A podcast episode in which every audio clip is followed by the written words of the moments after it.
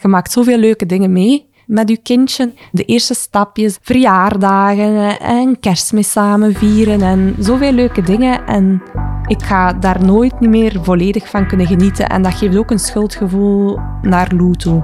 Omdat ja, je wilt er volledig zijn, maar er is een stukje eigenlijk meegestorven die 20 januari.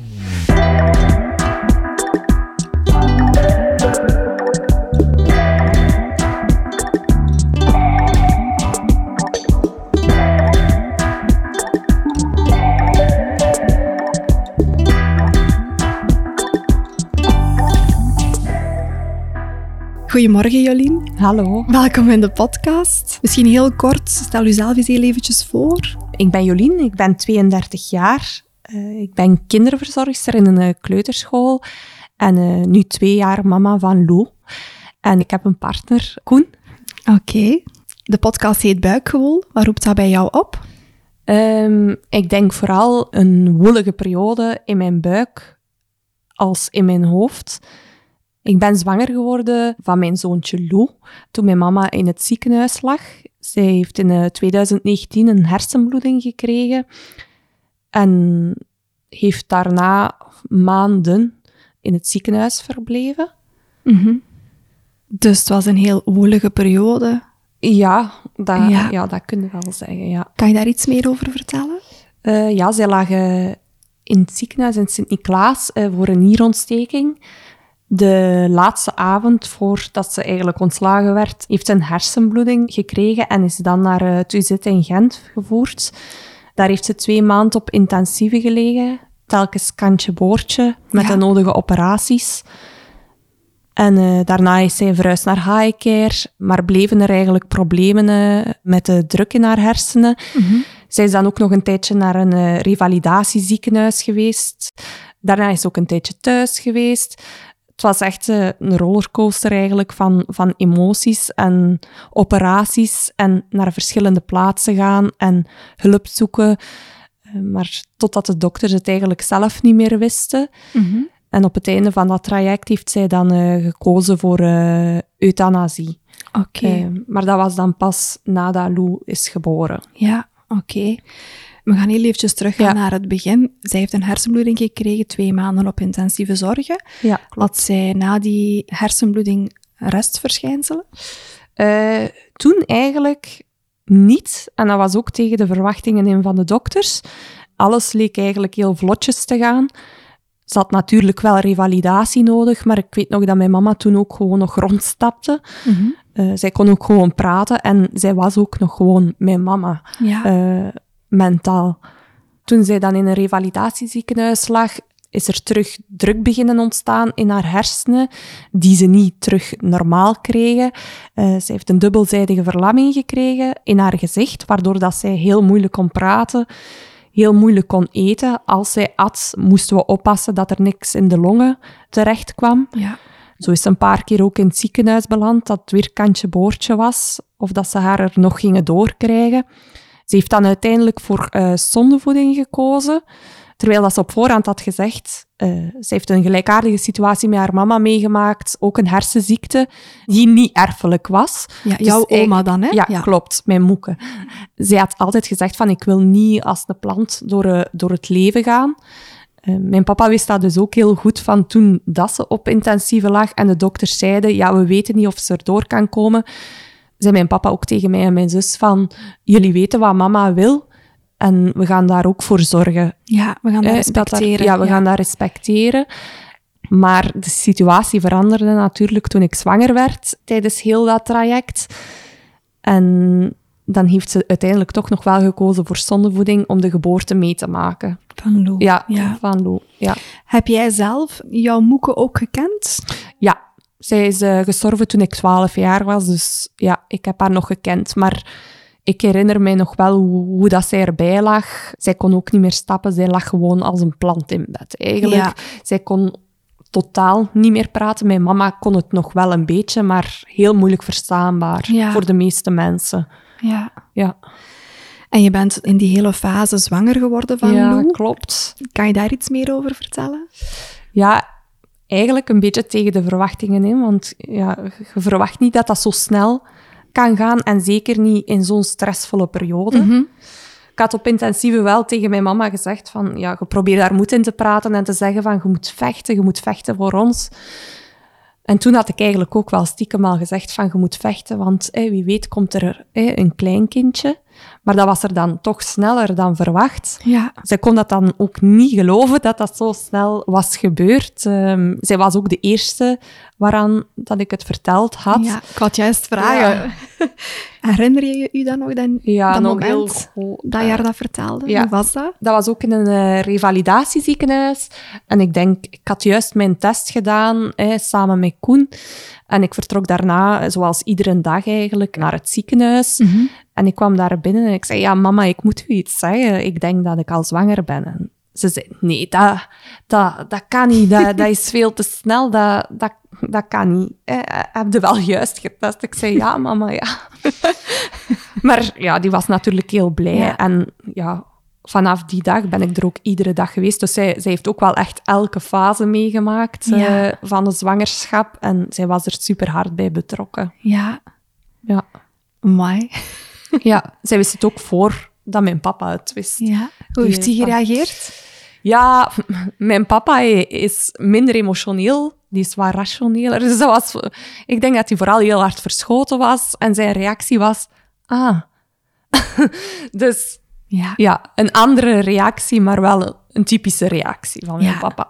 Hij moest eventjes landen waarschijnlijk. Ja, zeker en vast. En in die situatie Het was een moeilijke periode. Ja, hè? tuurlijk. Ja. tuurlijk. En eh, door jouw job veronderstel ik dat jij onmiddellijk werk verwijderd werd. Ja, klopt. Omdat ik niet immuun was. eh, Voor CMV. Ja, Ja. klopt. Cytomegalivirus. Ja. Klopt. Dus dat hield dan in dat jij vanaf dat je wist dat je zwanger was, eigenlijk thuis moest blijven Ja. eh, van jouw werk. Ja, en eigenlijk was dat een beetje een geluk bij een ongeluk, want daardoor kon ik natuurlijk wel ook heel veel zorg dat mijn papa had overnemen. Ik kon veel dokters of afspraken mee gaan doen. Mijn mama was ook veel minder lang alleen in het ziekenhuis, want die dagen duren dan er natuurlijk super lang. Dus wij hebben wel heel veel kunnen genieten van elkaar. Ja. Ja, Ze mijn- heel dichtbij geweest Ja. bij jouw mama gedurende heel die zwangerschap ja eigenlijk. zeker en vast. Ja. Ja. Kijk je daar met warme gevoelens op terug? Ja, toch wel. Ja. Toch wel. Het is natuurlijk anders dan hoe het bij andere vrouwen zal geweest zijn. Die met hun mama andere voorbereidingen kunnen treffen, zoals kleertjes gaan kopen, Mhm. naar winkels gaan. Ja, het is volledig anders. Hè. Het, we hebben gewoon heel veel gepraat, Ja. eigenlijk. Ja. Ja. Verliep die zwangerschap fysiek en emotioneel gezien voor jou zoals je het ook bedacht had op voorhand dat het zou verlopen? Ik ben van nature een heel harde stresskip, maar op die Mhm. moment had ik geen stress voor mezelf of dat kindje. Ik had stress voor mijn mama. Ik Ja. was eh, heel hard aan het zorgen voor iemand anders. En mijzelf, ja, dat was een beetje een bijkomstigheid. Ja. Dus de focus was echt wel verlegd naar jouw mama zo goed mogelijk eh, begeleiden en en ook onbe- onbewust ook gewoon vanuit het instinct van ik moet er voor mijn mama zijn. Ja. En dat, dat is nu het belangrijkste. Ja. Zij moet hier doorkomen. Ja. Doorkomen als in, zij moet deze zwangerschap kunnen eh, overleven nog?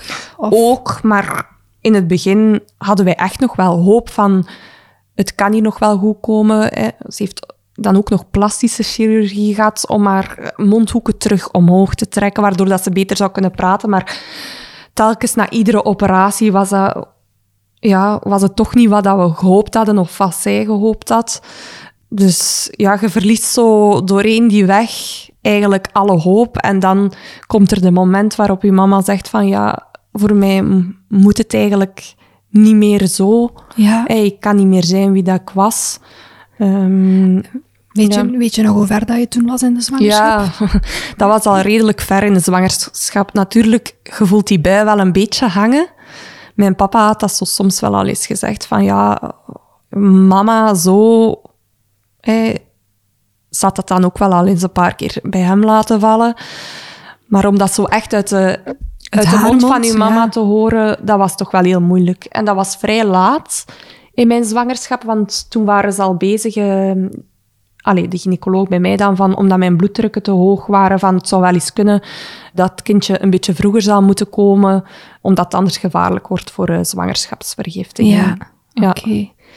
Amai, ehm, heftig.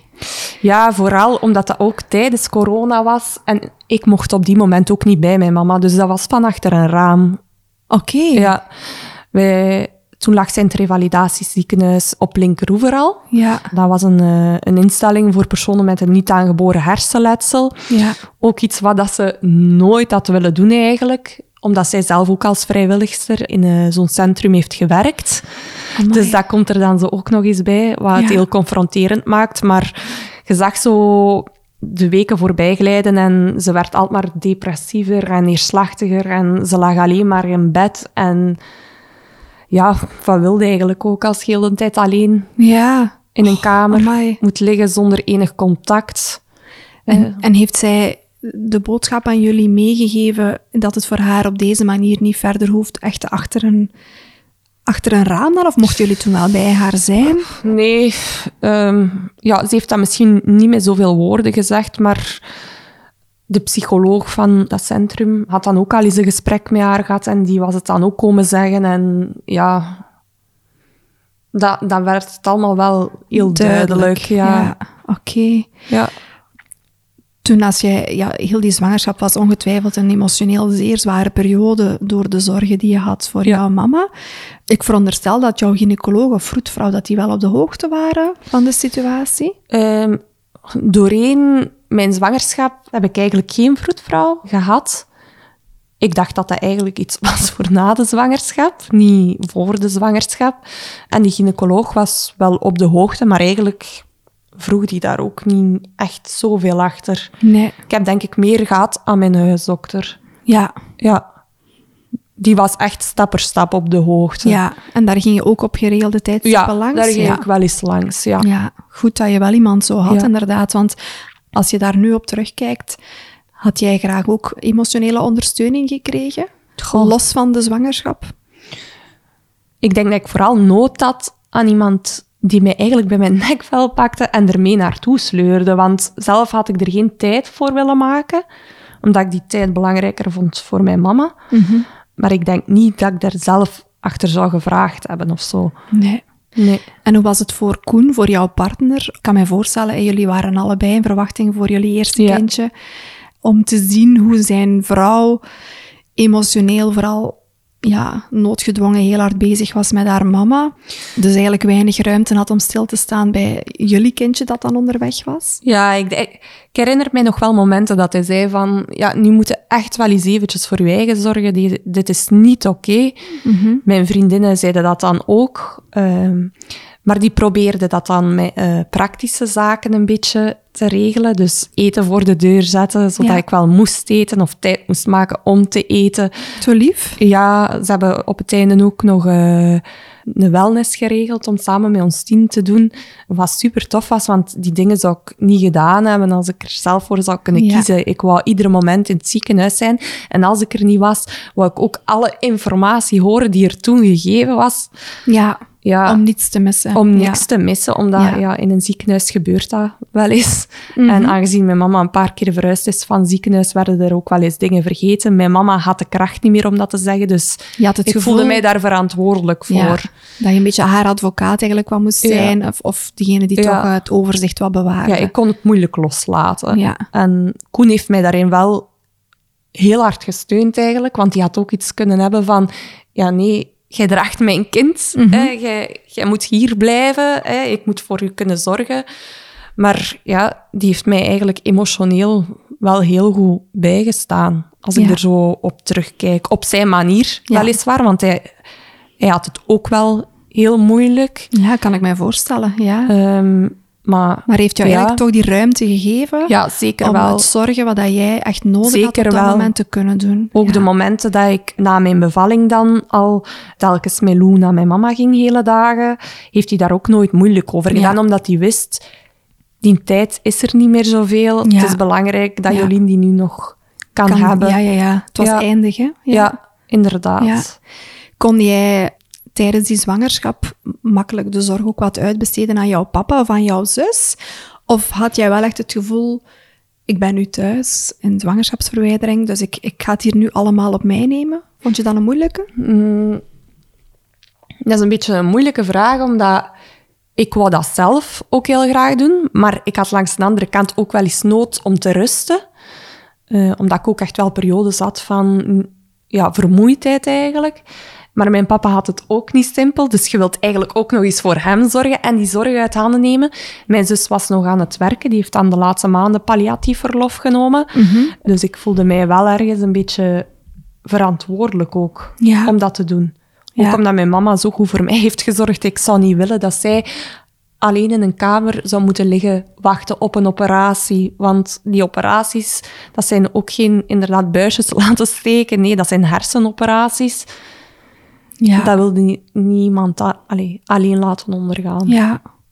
Het is heel mooi dat je dat zegt, maar ik kan me ook wel voorstellen dat je heel ver over jouw eigen emotionele grenzen misschien wel bent- moeten gaan wel. Als je zo die verantwoordelijkheid wel wat voelde om te zorgen voor jouw mama, maar ook jouw Ja. papa, jouw zus. Maar blijkbaar kun je wel veel meer Ja. dan dat je denkt. Dat heb ik echt wel geleerd uit die periode. Ja. Ik ben veel sterker dan dat ik zelf denk. En oké, ik zal over mijn grenzen zijn gegaan, maar kijk nu, Lou is ook een gezond Ja. kereltje. Je hebt het Ehm, gedaan. Ik heb het gedaan. En het is nog altijd met ups en downs, maar Mhm. ik kan wel terugkijken naar die periode en zeggen van, je bent wel een sterke madame. Ja. Dus je bent eigenlijk, als je erop terugkijkt, heel, heel blij dat je wel zo... ehm, Ja, en mijn mama zou ook heel Ja, fier zijn op ja. mij. Daar ben ik wel zeker Ja, van. Ja, wauw. daar ben ik zeker van. Ik kan me voorstellen, je bent zwanger. De eerste naar wie dat je dan toe gaat vaak om raad te vragen, is toch jouw eigen mama? Kon dat nog op dat moment? Ja, zeker wel. Maar natuurlijk komt er op heel veel vragen pas na enkele tijd. En dan was mijn mama er niet meer. En dan heb je geen persoon om dat aan te gaan vragen. En mijn papa, die kan op sommige dingen wel antwoorden, maar het is natuurlijk geen mama die eh, alles nog weet van haar zwangerschap en van, van de geboorte van haar kinderen. Ja, Dus- die de details misschien veel meer nog dat vind ik best wel moeilijk. Ja. Zo. Kan je een voorbeeld geven van zo vragen dat je, dat je achteraf dan te binnen schiet en dat je denkt, verdorie, waarom heb ik daar niet bij stilgestaan om haar te vragen in mijn zwangerschap? Goh, ik kan niet direct op iets komen. Het gaat, eh, het gaat meer over dingen al- als handelingen die mijn mama zou doen, of het gewoon overnemen van, van Lou, wanneer, wanneer dat, dat ze zou zien dat ik het moeilijk had, of ik hem niet stil krijg. En ik heb niemand nu die dat gewoon uit zijn eigen zal doen. Ik zal mij ook altijd schuldig voelen als iemand anders dat moet doen. Omdat, ja, die personen zijn niet mijn mama. Die moeten dat niet doen. Ik ben niet hun dochter. Ja. Als ik oppas nodig heb, of we willen eens iets samen gaan doen, Koen en ik, is dat ook wel altijd een uitdaging om iemand te vinden. En je wilt ook niet altijd op dezelfde mensen moeten leunen, want die hebben ook hun kinderen, of die hebben ook hun gezin dat maakt het best wel moeilijk. En ik kan daar soms ook wel heel jaloers op zijn. Als ik zo bij andere mensen zie dat dat dan wel gaat. Of die gaan met hun familie op weekend. Of ze gaan met hun mama kleren kopen voor, voor Ja. eh, de kinderen. Of ze gaan iets leuk doen. Dat ik dat niet heb. Ja, dat dat wel steekt. Die boosheid, die, die blijft wel. Ja.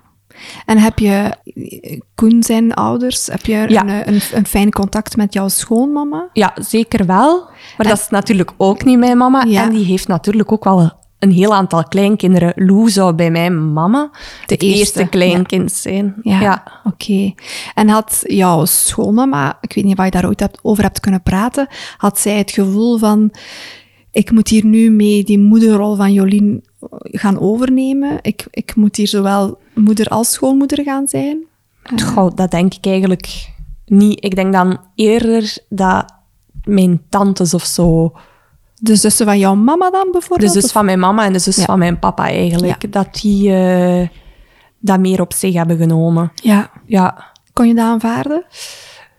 ja, maar zoals ik al zei, blijft dat heel moeilijk om te aanvaarden, omdat ik mij vaak ook heel schuldig voel, ehm, omdat zij dat niet moeten doen. Ja. Ja. Dat blijft wel een hele moeilijke, vind ik.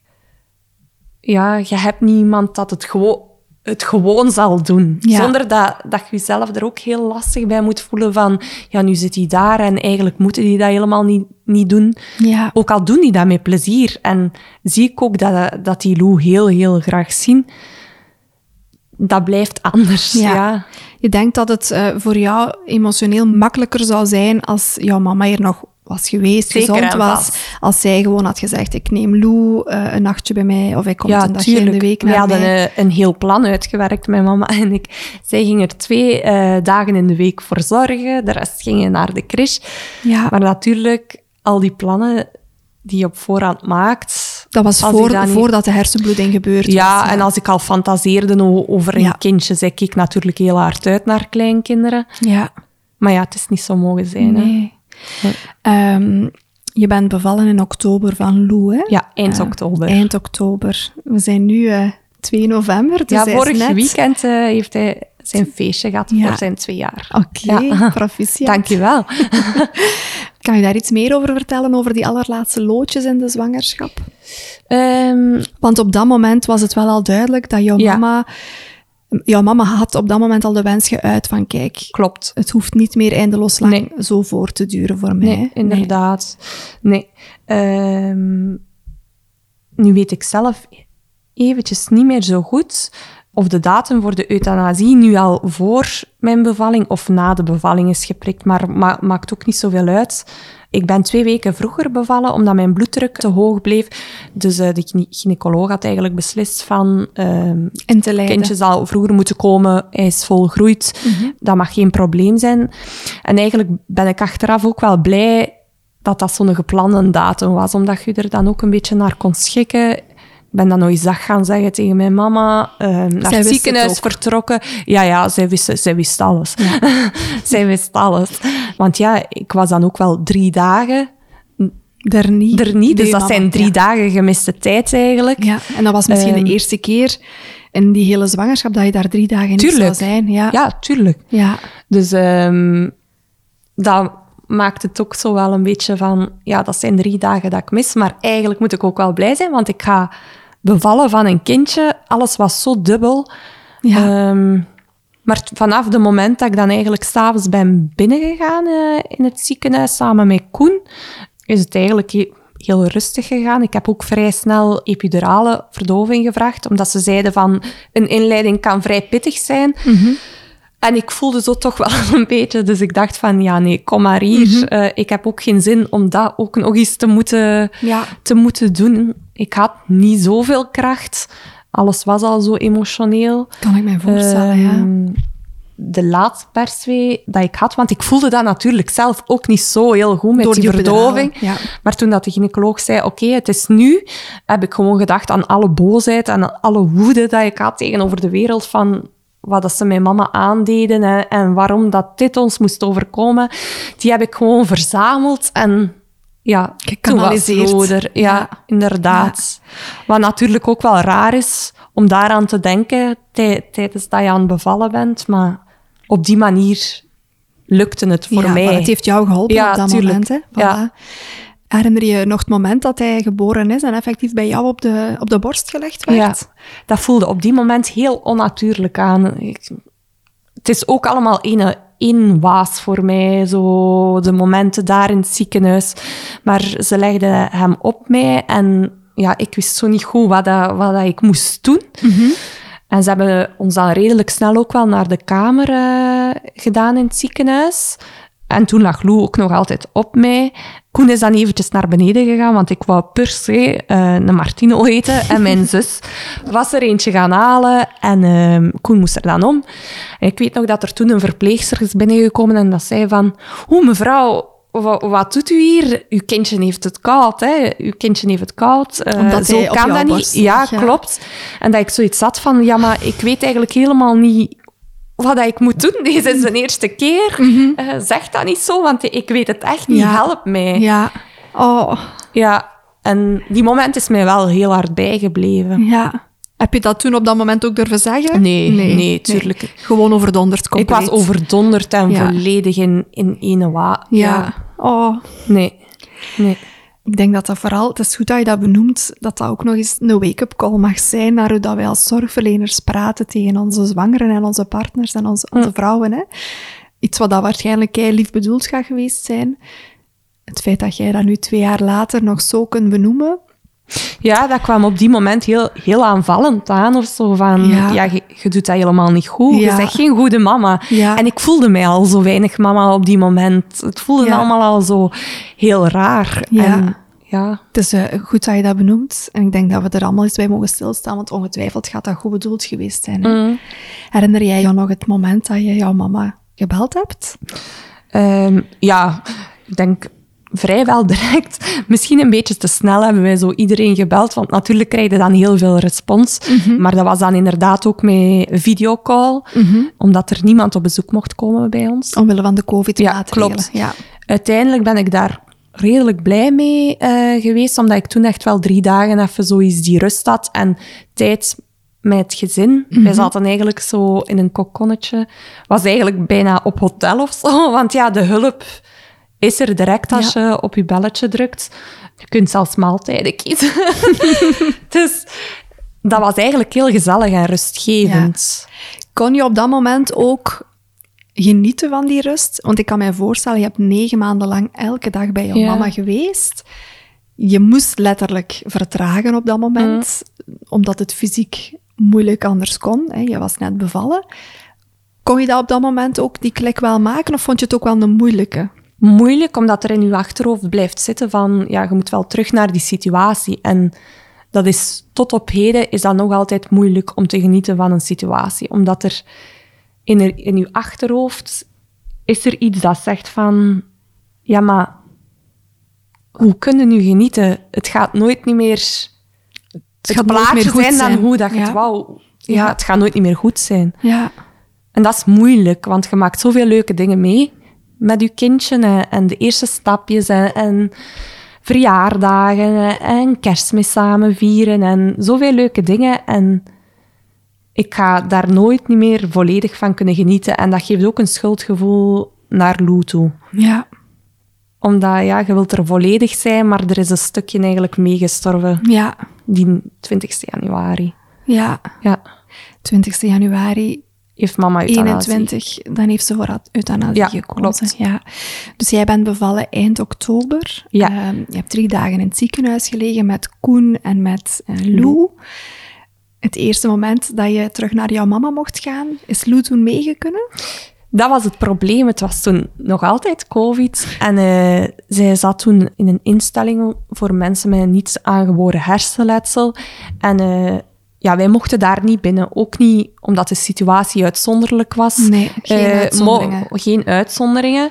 Wat wel mocht, was gaan wandelen met mijn mama. Ja. Maar het was toen ook heel koud, winter. En dan zijn wij in een bos gaan wandelen. En daar heeft ze eigenlijk Lou voor de eerste keer kunnen pakken. Ja. Hij woog toen ook nog onder de drie kilo. Dus ik weet nog dat de dokters zeiden van ja, er niet mee naar buiten gaan en zo. Ja. Maar ja, dat hoorde gewoon zo. En dat was een heel emotioneel moment, Ja. dat weet ik nog. Ja, Was jouw papa daarbij? ja die Ja. was erbij. Die heeft ook wel een traantje gelaten toen. Ja. En heb- Ja. heeft jouw papa Lou wel vroeger kunnen eh, ontmoeten? Nee, Dat was voor jouw op de, papa dat ook, wou ik ook wel. Dat dat dat, dat op dezelfde was, moment was, samen, als gezin. Wou jouw mama dat ook zo? Ja, ze heeft dat niet gezegd, maar ik voelde dat wel zo aan. Ja, Dat het zo hoorde. Dat ja dat gewoon hoorde samen, gewoon zo. Ja. Alleen jammer dat het buiten moest. Ja. Ja. ja. Heb je daar... Ja, je hebt dat ongetwijfeld in je hoofd al opgeslagen. Zijn er ook beelden van? Ja, Ja. er zijn foto's van. Oké. Ja. Lijkt nu ook wel Heel een hele warme herinnering voor Lou later, hè? Ja, ik heb zelf ook voor Lou zo eh, een kistje gemaakt, zo met alle herinneringen en foto's Ja. eh, van die tijd, zodat hij toch ook nog een, een beetje een beeld kan hebben van hoe het was met mijn mama eigenlijk. Hè. Hoe werd ze genoemd? Of hoe wordt ze genoemd? Ze wil Moeke genoemd Moeke, worden. Ja, Moeke. ja. Ja. Want ik veronderstel, Lou is twee. Lou weet dat er een, een, dat er een moeken ook is. Hij weet ja. dat er een Moeke is, maar ik denk niet dat hij zich er veel bij kan voorstellen. Nee. Maar een beetje een cliché, maar ik zeg dan dat, dat Moeke een sterretje is en, Ja. eh, en dat hij kijkt vanuit de hemel naar hem en Ja. dat hij er altijd zal zijn voor hem en goed voor hem zal zorgen. Ja. Meer kun je denk ik op de moment nog niet, niet Nee. doen. Mijn mama, haar urne hangt ook aan een boom in de tuin. bij mijn ouderlijk huis. En we gaan daar zo vaak wel eens naartoe. En dan zegt hij ook wel dag moeke. Ja. Dus Oh er is toch ietske dat... Ja. Ik denk dat het vooral heel Op mooi is dat hij, voor, in hoeverre dat hij context kan begrijpen, dat hij gewoon weet, Moeken hoort erbij. ja, hij heeft zijn eerste dagen, eerste twee maanden, heeft hij eigenlijk doorgebracht. Ook in het ziekenhuisbed bij mijn mama. Ik vertrok ook s'morgens naar daar, naar het mijn ouderlijk huis. Toen mijn mama al gekozen had en de datum was vastgelegd voor euthanasie, verbleef zij thuis, omdat we dat toch nog wouden voor haar. Zij wou, wou ook thuis sterven. En wij hebben eigenlijk, ik, mijn zus, mijn papa en mijn mama en Lou dan, die maanden nog doorgebracht. Ja. Wat ook weer chapeau is van, van Koen, van mijn partner, vind ik. Want die had ook iets kunnen hebben van, ja, nee, hè, mijn kindje is juist geboren, ik wil dat constant thuis. Maar die wist dat een tijd eindig was. Ja, dus hij gunde jou en Ja. Lou en jouw mama. wat wel heel fijn, Ja. allee, fijn was, ja, Ja. en heel warm. Ja. ja. Ja, ik kan me voorstellen dat dat ondanks het, het hele grote verdriet om het besef dat het eindig was, dat er misschien inderdaad ook heel veel warmte wel was in die laatste maanden. eh. Ja, zeker wel. Ja. Ik denk, als je weet dat er een afscheid gaat komen, wilde sowieso dat die persoon voelt van hoe graag dat die gezien is. En ik denk dat wij daar wel echt alles uitgehaald hebben. Ja. Ja, zeker en vast. Dat denk ik wel. Mijn mama weet 100% zeker dat ze graag was gezien. Ja, oh. Ja. En Lou heeft eh, eigenlijk nog heel veel kunnen knuffelen met haar die laatste... Ja, en hij werd daar Maanden. ook eigenlijk heel rustig van, zo Ja. hele tijd bij haar liggen. Juist zo de moeilijke momenten, wanneer er zo wat krampen waren of zo. En zij, ja, mama kon niet meer stappen, dus, dus moest ik of mijn zus hem overnemen om toch een beetje rond te lopen om hem te sussen. Ja, dat was weer moeilijk, want dan zie je weer van, ja, de situatie is wel ernstig. Hè. Zij, zij kan dat niet. Terwijl als ze er zo lag in haar bed samen met Lou, leek alles zo perfect of zo. Ja. Ja. ja, dat was gewoon heel mooi om te zien. En ik kan me dan goed voorstellen dat, je, dat zij als moeke dan niet liever zou willen gedaan hebben dan hem gewoon ook kunnen troosten op die Ja, moeilijke momentjes, inderdaad. Ja, dat dan een hele Ja. dubbele is, hè. Ja. Ja, zij moet enorm veel verdriet gehad hebben. Ja. Maar ze kon het niet altijd laten zien. Nee. En kon zij op dat moment het nog zeggen? Praten ging ook al heel moeilijk, maar wij konden haar nog wel redelijk verstaan. Maar zij zei dat niet en ik ben er vrij zeker van dat dat was om, om ons te sparen. Ja. Daar ben ik vrij zeker van. Hoe was het voor jouw papa in die periode? Die maanden dat jouw mama nog bij jullie was? Goh, ook heel moeilijk, maar die was er eigenlijk heel rationeel in. Die wist ook dat mama dat niet wou, hoe, hoe ze toen was. Zij wou zo niet verder leven. Hè. En hij was zich er heel hard van bewust, terwijl ik en mijn zus hadden iets van, kom, we moeten hier alles proberen, alle hulpmiddelen zoeken om haar toch nog bijvoorbeeld een boek te kunnen laten lezen, wat dat zij vroeger zo graag deed. En naar dingen zoeken om haar terug ja, levenslust te doen krijgen. Ja. En Terwijl jouw papa eigenlijk... wij duwden zo die gedachten van ons weg. Ja. Van, hé, dan gaat ze er misschien toch nog willen zijn. Hé. Lou komt eraan. Hé. Ja. Misschien verandert ze dan van gedachten, maar Ja. haar keuze was al gemaakt in haar hoofd. En mijn papa wist dat. Ja, Dus die was eigenlijk al langer afscheid aan het nemen. ja. Omdat jouw papa misschien ook heel bewust inderdaad gezien had vroeger, dat jouw Ja. eigen mama voor haar mama dan Ja, zo jarenlang heeft Ja. gezorgd. Ja. zeker en vast. En omdat hij mijn mama door en door kende. Ja. Die wist perfect wat dat mijn mama wou. Kan jij het moment voor de geest halen dat jij besefte, hè, want je zegt net dat je misschien ergens die, die sprankel hoop had, Mhm. dat jouw mama toch de moed zou vinden om er nog langer mee door te willen gaan. Kan jij dat moment voor de geest halen dat het voor jou ook echt duidelijk werd van nee, oké, die 20ste Mhm. januari zal het effectief zijn? En wat dat dan met jou deed? Ja, dat is verschrikkelijk. Hè? Ik kan daar niet zoveel over zeggen. Dat, dat is gewoon pure pijn. Ja, dat je dan voelt. En toch blijft dat, ja, dat, dat blijft onecht tot die moment er eigenlijk is. Tot die moment dat een dokter eigenlijk op de, op de oprit kwam gereden, of tot het moment dat ik Lou heb weggenomen. Want hij heeft die moment zelf niet meegemaakt. Hij is dan naar mijn tante gegaan. Als je Lou wegneemt van mijn mama, van dit is de laatste keer Ja. dat je hem ziet, dan dringt hij eigenlijk pas echt door van... Het is, het is gedaan. Ja. Hoe ben je die eerste dagen, weken, maanden doorgekomen na haar overlijden? Dat is een goede vraag. Weet je daar nog veel van? Dat is... Ja, je wordt eigenlijk geleefd op die moment. Er zijn ook zo- zoveel dingen dat er geregeld moeten worden, zoveel dingen dat er nog gedaan moeten worden. Ik zat ook met een pasgeboren kindje. Ja, dus je bent gewoon eigenlijk ook zorg- een verse mama die ook nog haar weg moet zoeken in, in dat ouderschap. Ja, Maar daar was Ik- misschien helemaal geen tijd voor ik weet echt niet hoe dat ik dat heb gedaan. En misschien best ook eigenlijk. Ja, ik, ik, weet, ik weet het echt niet meer. Dat is echt eh, ook een beetje robotmodus of zo. Mhm. Omdat je weet, ja, je moet er zijn voor je kindje, dus je moet die dingen doen. Maar eigenlijk zijn er emotioneel helemaal niet, niet bij op die moment. Nee. Hoe was het voor Koen? Goh, die heeft zijn rol als papa wel heel erg goed opgepakt. Ik denk dubbel een beetje, hè, om mij te ontzien. Maar ja, die moest ook beginnen werken.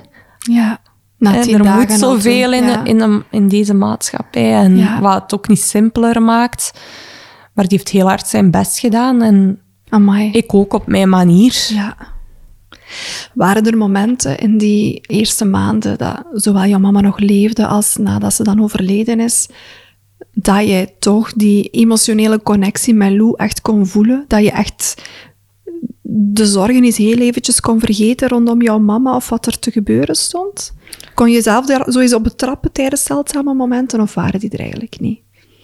Ik vond dat heel moeilijk, maar voor de euthanasie zijn wij nog een weekend weg geweest met ons familie dan naar de zee, omdat mijn mama dat wou. En zo de momenten dat je dan allemaal samen bent, of gewoon mee met je mama in je bed kruipt, samen met Lou, zo... Ja, daar denk ik toch wel met een grote lach aan terug. Ja. Ja, gewoon die warmte Ja. dat je dan voelt. Of als ik nu naar Lou kijk en denk van... Oh, ja, Herken je zaken van jouw mama in Lou? Goh. Ik denk dat dat nog wat vroeg is om te zeggen. Ik weet niet van Ik hoop het zo. eigenlijk een beetje. dat er een beetje pit in zit. ja. En zijn er zo uiterlijke kenmerken dat mensen zeggen van, ah maar ja, dat heeft hij van zijn boeken. Oh nee, niet echt. Dat, dat nog niet. Nee, dat gaat zo meer terug nu van... Oh, hij trekt een beetje op zijn papa of, of- Ja. of op mij. Ja. Maar zo echt van op zijn moeken, dat niet eigenlijk. Nee. Als jij nu zo terugdenkt aan die maanden, die wazige emotionele rollercoaster waar dat je toch wel op zat, Ja, klopt. wat had jij nodig eigenlijk? Of waar had jij meer nood aan als je daar nu op terugkijkt? Ja, ik denk sowieso in zo'n periode psychologische begeleiding toch wel. Maar die stap was toen op die moment te groot om, om het zelf te nemen. Ik had daar in mijn hoofd geen tijd voor.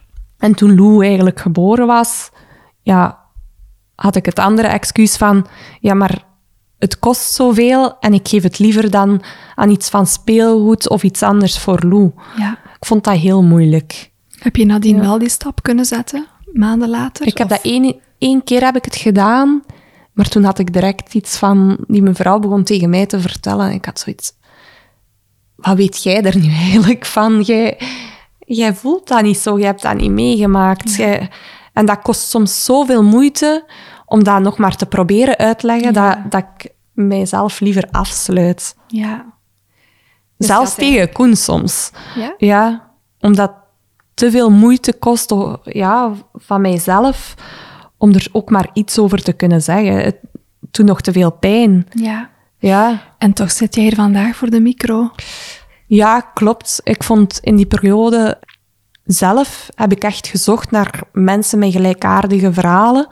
En dat is heel moeilijk om te vinden. Ik heb dat ook letterlijk gevraagd, denk ik, op de dienst waar dat mama lag.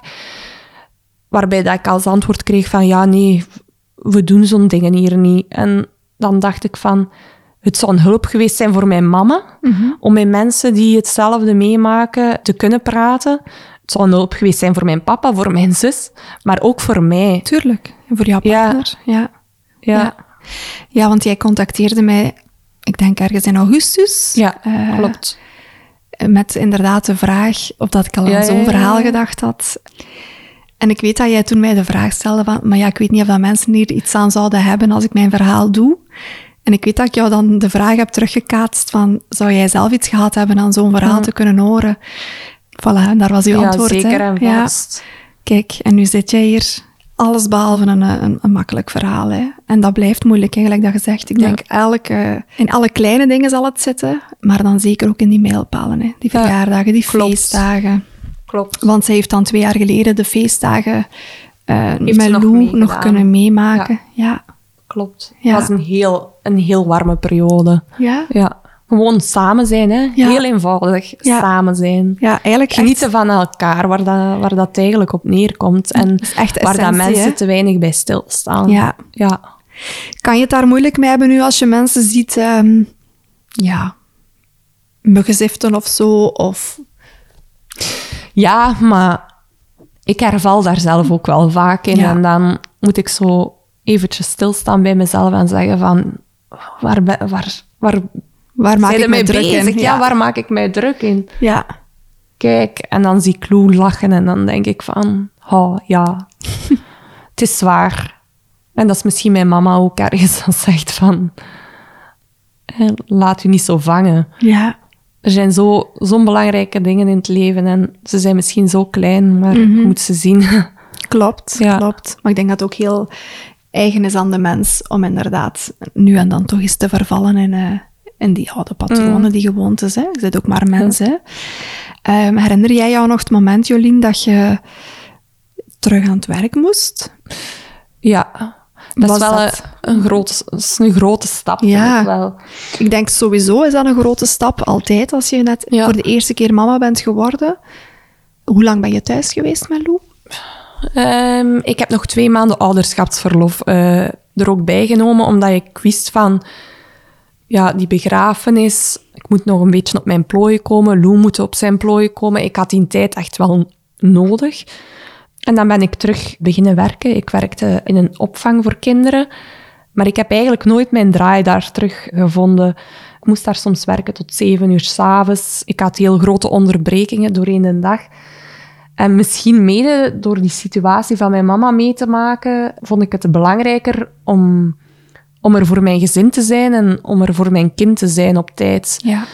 En dan ben, heb ik de switch gemaakt naar het onderwijs, Ja. eigenlijk. En daar heb je natuurlijk wel Mooiere uren. mooiere uren. Hè. Je bent op tijd thuis, je hebt vakanties. En Ja.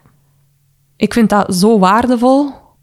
Wat ik wel heel schrijnend vind om te horen, is dat je eigenlijk twee maanden van jouw ouderschapsverlof hebt moeten inzetten om op je plooi te komen. Ja, maar In Vlaanderen, we hebben zoveel werk voor de boeg, denk ik dan. Eigenlijk had jij gewoon van al die praktische verlof ik denk eigenlijk dat je maar een week hebt, zelfs als er iemand overlijdt van, van je ouders. Ja. Ja. Het is zo jammer dat jij dan je ouderschapsverlof Ja. daarvoor al hebt moeten inzetten. Je zou gewoon thuisgeschreven moeten worden, denk ik. Ja, ja. Klopt. Ah, ja. Want je hebt helemaal niet die kraamperiode kunnen, kunnen beleven zoals je Nee, ze zou... sowieso nee, niet. Sowieso nee, niet. sowieso niet. Dus moest er ooit nog een tweede kindje komen, ben ik heel benieuwd naar hoe dat ik dat ga beleven. Ja. Ik heb er ook wel een beetje schrik voor. Kan je daar iets meer over zeggen? Ja, zozeer omdat ik toen heel hard gefocust was op mijn mama, ga ik nu heel hard gefocust zijn, denk ik, op mijzelf en die zwangerschap. En alles wat dat er zou kunnen misgaan. Ja, Ja. Vond je dat in de zwangerschap van Lou, kon je dat op dat moment beseffen van, hé, hey, dat is wel gek, normaal ben ik... helemaal anders. Ja, ik ik heb dat wel een paar keer beseft van... Dat is raar, dat ligt Ja. niet in mijn, in mijn aard. aard. Ja, Ja, maar het was jouw een overlevingsmechanisme toen. overlevingsinstinct. Ja. Ja, dat, dat alle zorg naar jouw mama Ja. ging. Hè? Ja. Je zegt daar juist al eventjes dat je daar toch wel wat schrik voor hebt. Stel dat er eventueel een, een volgend kindje zou komen. Heb je al een plan van aanpak? Stel dat jullie beslissen om voor een eh, tweede kindje te gaan. Zou jij je preventief toch laten ondersteunen voor dat emotionele stukje? Goh, misschien wel, denk ik. Maar ik zou, ik zou het denk ik eerst weer op zijn beloop laten. Maar dat is niet goed. Ehm, Ik weet het niet. Dat is, ik denk dat dat niet van een goed of een slecht is. Eh, Maar ik heb sowieso wel een heel goede huisarts dat volledig mee is in het verhaal. En waar dat ik ook ten allen tijde mag aankloppen. Dus daar heb ik wel echt een, een vertrouwensband mee. Ja, zeer goed. Iemand nieuw is vaak te moeilijk om zo terug... Heel die context te moeten uitleggen. klopt. Ja. Heeft jouw huisarts, heeft jouw mama ook gekend, veronderstel ik? Eh, mijn mama ging daar niet eh, in de praktijk, maar zij, Maar ze- ja, ze- kende wel, wel, ja. ja. Dus ze wist ook wel wat zij voor mij had betekend. Ja. Ja, En je kan nog steeds bij haar terecht om over jouw mama Ja, zeker te en praten. va- als het- zeker en ja, vast, ja. Super, kijk Merk je dan nu, we zijn nu twee jaar na haar overlijden, verwachten mensen dat je er dan wel stilletjes aan overheen gaat geraken? Goh, verwachten. Ik weet niet wat mensen verwachten, maar ehm, er wordt sowieso minder over gepraat. Wat ook logisch is, iedereen zijn leven gaat door. Maar zo'n uitspraken als van verdriet slijt wel, dat dacht ik misschien in het begin ook, of dat had ik gehoopt, maar dat, dat is wel echt totaal niet het geval. Je leert er een beetje mee leven, maar die scherpe pijn die blijft altijd wel in je zitten. En dat, dat is vooral heel moeilijk. Ja. Want je moet ook kunnen functioneren, je moet ook kunnen gaan werken. Ik moet ook voor Lou kunnen zorgen. En soms heb ik echt dagen dat ik denk van... Ik wil gewoon naar het buitenland rijden. Ik laat mijn kind hier bij mijn partner, bij wijze van spreken. En ik heb echt gewoon tijd nodig om te bekomen. Want Ja. ik heb die tijd eigenlijk zelf niet bewust gehad. Nee, nee. Als ik het zo hoor, nee. Nee. Ik wil jou vragen, wat houdt jou tegen om zo eens een momentje echt wel te, te ontsnappen en voor jezelf te nemen? Of, of schrik misschien toch een beetje om dat terug helemaal te herbeleven. Ehm, ja, en de praktische zaken. Hè. Ja. Met een kleintje in huis, ja. Financiën. dat is waar. Ja. Ja, ja. Ik vind het wel heel moedig dat je, ja, dat je je verhaal hier vandaag komt vertellen. Ik probeer altijd een aflevering te eindigen met eh, een complimentje dat je aan jezelf geeft. Maar misschien is het wel fijn dat je één een compliment geeft ook aan jouw mama. En dat je misschien ook eens probeert te bedenken, wat zou jouw mama nu als compliment aan jou geven? Ehm, ik denk dat mijn compliment naar mezelf en eh, het compliment dat mijn mama eh, mij zou geven overeenkomen. Ze zou sowieso zeggen dat ik veel sterker ben dan dat ik denk. En dat ik best een straffe madame ben. ja, zij zou, zij zou dat zo zeggen. Ja. Zeker wel. Ja. Ik schat mijn eigen altijd veel minder in. Maar door dit mee te maken, heb ik dat wel beseft van... Ja. Eigenlijk kun je wel veel als mens. Mhm. Je hebt heel veel veerkracht. Ja, Ja. wat eigenlijk wel gek is, want je denkt vaak van... Oh nee, ik, ik kan dit niet, maar ik heb het wel gedaan. Ja, en je doet het nog Ja, steeds. inderdaad. Ja. En welk compliment zou je aan jouw mama nog willen geven? Ik zou haar vooral willen bedanken voor de opvoeding dat ze ons heeft gegeven hè, en hoe dat zij voor ons gevochten heeft. En Ja. ja, hoe dat ze eigenlijk alles heeft gedaan, ons alles heeft geleerd. En ik hoop dat echt allemaal door te geven aan, aan Lou. Ja. Ja. Oh, dat is mooi. Dankjewel, Jolien. Ehm, ja, om de moed te vinden om jouw verhaal te delen. Om ook de herinnering aan jouw mama op deze Ja, manier en ehm, iets tastbaarder te houden. Wie weet voor Lou binnen zoveel Zeker jaar en om vast. te Ik ga hem beluisteren. dit zeker laten luisteren. Ja. Zeker en vast. En ik vind dat de liefde, zowel voor jouw ouders, voor jouw zus, voor jouw man, maar ook voor Lou, dat die toch heel voelbaar is door de manier dat jij praat. En ik, eh, ik wil u dat wel zeggen, ook omdat ik denk, die zwangerschap was, en die periode daarna was emotioneel zo moeilijk. Maar je doet het wel, hè? Je doet het keigoed. Dank u wel. Ik denk dat Lou heel fier mag zijn op zijn mama en zijn moeke. Ik hoop het. Jolien wilt jullie nog meegeven dat zij open staat voor contact, mocht iemand daar nood aan hebben. Je mag me dan een berichtje sturen, zodat ik haar contactgegevens kan doorgeven. Als je benieuwd bent naar mijn aanbod, neem dan zeker een kijkje op mijn website buikgewoel.be. Het helpt om deze aflevering te delen met iedereen die hier iets aan kan hebben. Je kan de podcast nog steeds steunen door je gratis te abonneren en een review te plaatsen. Bedankt om te luisteren.